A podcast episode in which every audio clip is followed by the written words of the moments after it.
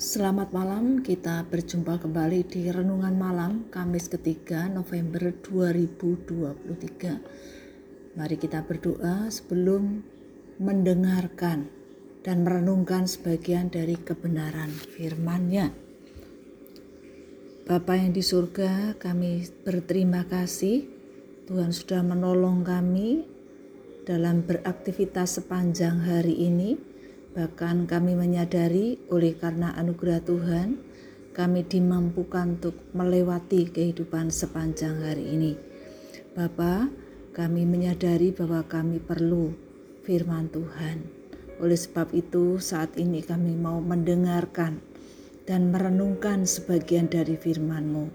Mari Roh Kudus Tuhan menolong kami, membuat kami mengerti, membuat kami dimampukan untuk sungguh-sungguh menjadi pelaku-pelaku kebenaran seperti yang Tuhan mau kami lakukan, sehingga kehidupan kami dapat menyaksikan tentang siapa Tuhan Yesus, Sang Juru Selamat, yang sudah datang ke dalam dunia ini mencari kami orang berdosa dan menyelamatkan kami. Dalam nama Tuhan Yesus kami berdoa. Amin.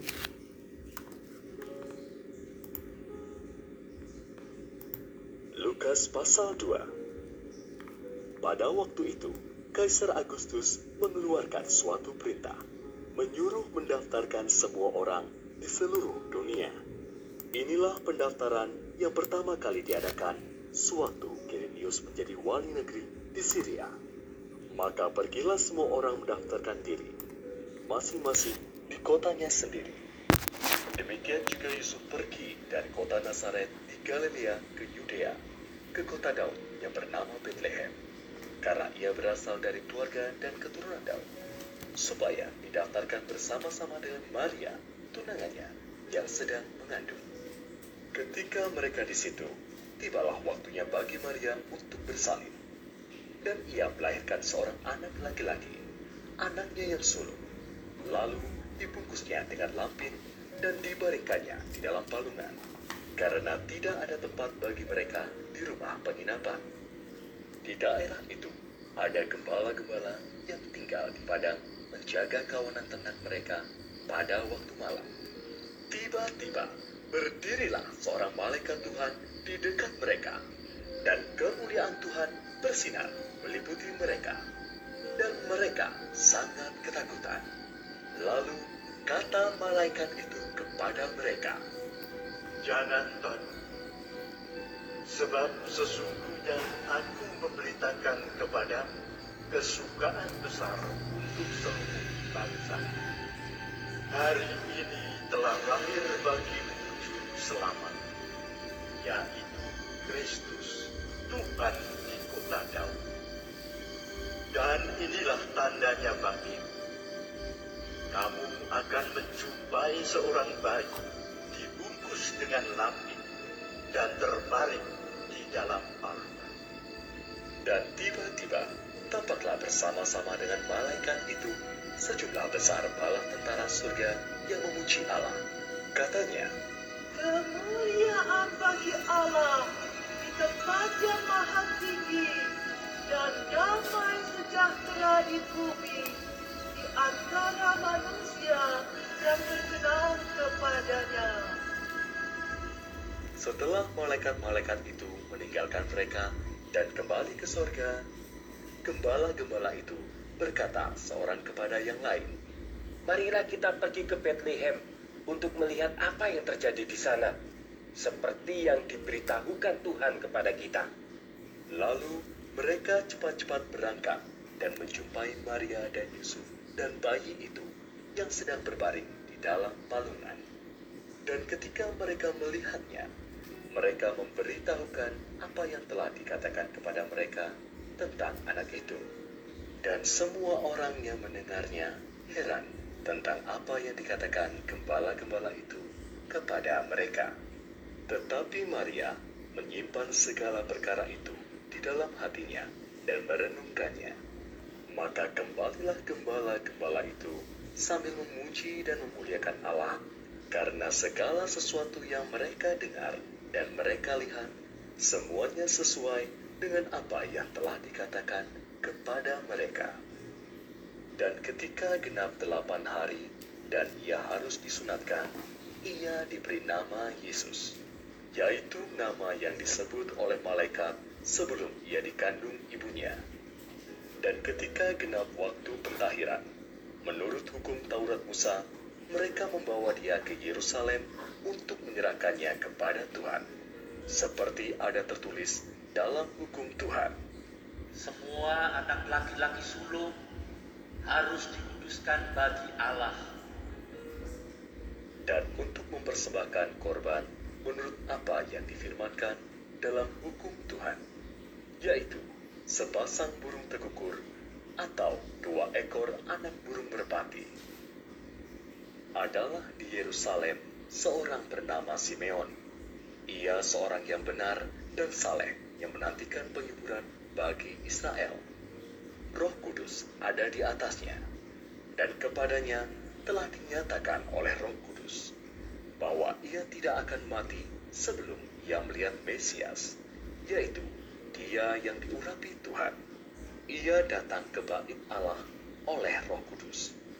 Ketika Yesus, anak itu dibawa masuk oleh orang tuanya untuk melakukan kepadanya apa yang ditentukan hukum Taurat. Ia menyambut anak itu dan menatangnya sambil memuji Allah. Katanya, Sekarang Tuhan, biarkanlah hambamu ini pergi dalam damai sejahtera sesuai dengan firman-Mu. Sebab mataku telah melihat keselamatan yang daripadamu, yang telah engkau sediakan di hadapan segala bangsa, yaitu terang yang menjadi penyataan bagi bangsa-bangsa lain dan menjadi kemuliaan bagi umatmu Israel. dan bapa serta ibunya amat heran akan segala apa yang dikatakan tentang dia. Lalu Simeon memberkati mereka dan berkata kepada Maria, ibu anak itu, Sesungguhnya anak ini ditentukan untuk menjatuhkan atau membangkitkan banyak orang di Israel dan untuk menjadi suatu tanda yang menimbulkan perbantahan. Dan suatu pedang akan menembus jiwamu sendiri supaya menjadi nyata pikiran hati banyak orang.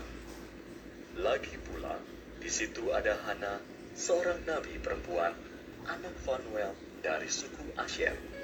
Ia sudah sangat lanjut umurnya.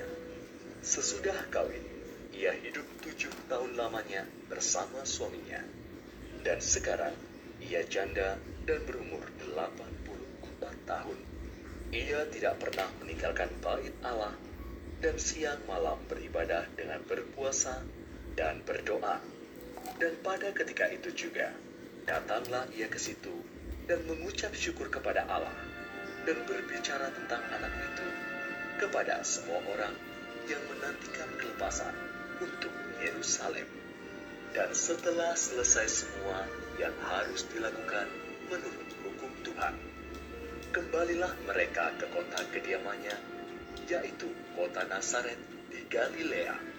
Anak itu bertambah besar dan menjadi kuat, penuh hikmat dan kasih karunia Allah ada padanya. Tiap-tiap tahun, orang tua Yesus pergi ke Yerusalem pada hari raya Paskah. Ketika Yesus telah berumur 12 tahun, pergilah mereka ke Yerusalem seperti yang lazim pada hari raya itu. Sehabis hari-hari perayaan itu, ketika mereka berjalan pulang, tinggallah Yesus di Yerusalem tanpa diketahui orang tuanya, karena mereka menyangka bahwa ia ada di antara orang-orang seperjalanan mereka. Berjalanlah mereka sehari perjalanan jauhnya, lalu mencari dia di antara kaum keluarga dan kenalan mereka. Karena mereka tidak menemukan dia, kembalilah mereka ke Yerusalem sambil terus mencari dia. Sesudah tiga hari, mereka menemukan dia dalam bait Allah. ia sedang duduk di tengah-tengah alim ulama sambil mendengarkan mereka dan mengajukan pertanyaan-pertanyaan kepada mereka. Dan semua orang yang mendengar dia sangat heran akan kecerdasannya dan segala jawab yang diberikannya. Dan ketika orang tuanya melihat dia, tercenganglah mereka. Lalu kata ibunya kepadanya, Nak, mengapakah engkau berbuat demikian terhadap kami? Bapamu dan aku dengan cemas mencari engkau. Jawabnya kepada mereka, Mengapa kamu mencari aku? Tidakkah kamu tahu bahwa aku harus berada di dalam rumah Bapakku? tetapi mereka tidak mengerti apa yang dikatakannya kepada mereka. Lalu ia pulang bersama-sama mereka ke Nazaret, dan ia tetap hidup dalam asuhan mereka. Dan ibunya menyimpan semua perkara itu di dalam hatinya. Dan Yesus makin bertambah besar dan bertambah hikmatnya dan besarnya, dan makin dikasihi oleh Allah dan manusia. Kelahiran Kristus. Ketika kita membaca kisah kelahirannya, banyak yang berfokus pada para gembala dan malaikat. Memang banyak pelajaran yang diceritakan tentang mereka dan apa yang mereka lakukan. Namun yang paling penting adalah apa yang Kristus sendiri lakukan dalam kelahirannya itu. Dia datang ke dunia yang terhilang ini untuk menjadi juru selamat. Yang tidak kalah penting adalah apa yang Allah Bapa lakukan dalam kelahiran anaknya. Dia mengutus anaknya untuk memuliakan dirinya sendiri, untuk menyelamatkan orang-orang berdosa yang terhilang dan menderita seperti para gembala. Marilah kita renungkan betapa Allah itu mengasihi kita, sehingga Dia rela merendahkan dirinya dengan mengutus anaknya dalam rupa manusia yang berdosa, dan karena dosa manusia. Mengapa Tuhan harus datang dalam kehinaan seperti dibaringkan di atas palungan dan bukan di tempat tidurnya raja? Sebetulnya apakah yang dilambangkan melalui hal ini tentang cara Kristus menyelamatkan orang-orang berdosa? Ketika Yesus lahir, para malaikat Allah menyanyikan puji-pujian. Kemuliaan bagi Allah di tempat yang maha tinggi. Para malaikat memuliakan dan memuji Allah atas segala sesuatu yang telah mereka dengar dan lihat. Simeon yang saleh digerakkan oleh Roh Kudus untuk memberikan pujian di depan umum kepada Allah dan Hana yang sudah lanjut usia setiap berdoa, beribadah, bersyukur kepada Tuhan serta menceritakan kepada banyak orang tentang kelahiran Sang Penebus. Kedatangan Kristus telah menggerakkan orang-orang percaya untuk memuji Allah, memuliakan namanya, dan menceritakan kedatangannya ke dalam dunia ini. Marilah kita renungkan. Sudahkah kita senantiasa menyaksikan tentang kasih Tuhan? Di mana Tuhan sudah datang ke dalam dunia untuk menyelamatkan. Apakah yang sering kali menghalangi diri kita untuk menyembah Dia, memuliakan Dia, dan menceritakan kasihnya? Mari kita berdoa. Kami bersyukur ya Tuhan, Kau telah datang ke dalam dunia ini, mencari dan menyelamatkan kami orang berdosa. Di luar sana masih banyak orang-orang di sekitar kami yang belum mengenal Sang Juru Selamat. Mereka juga memerlukan Sang Juru Selamat yang hanya di dalam Tuhan Yesus itu sendiri. Berikan kami hikmat dan keberanian mampukan kami menggunakan kesempatan untuk menceritakan tentang kasih Tuhan yang sudah menyelamatkan kami. Terima kasih Bapa. Pakailah hidup kami seturut dengan kehendak Tuhan. Dalam nama Tuhan Yesus kami berdoa. Amin.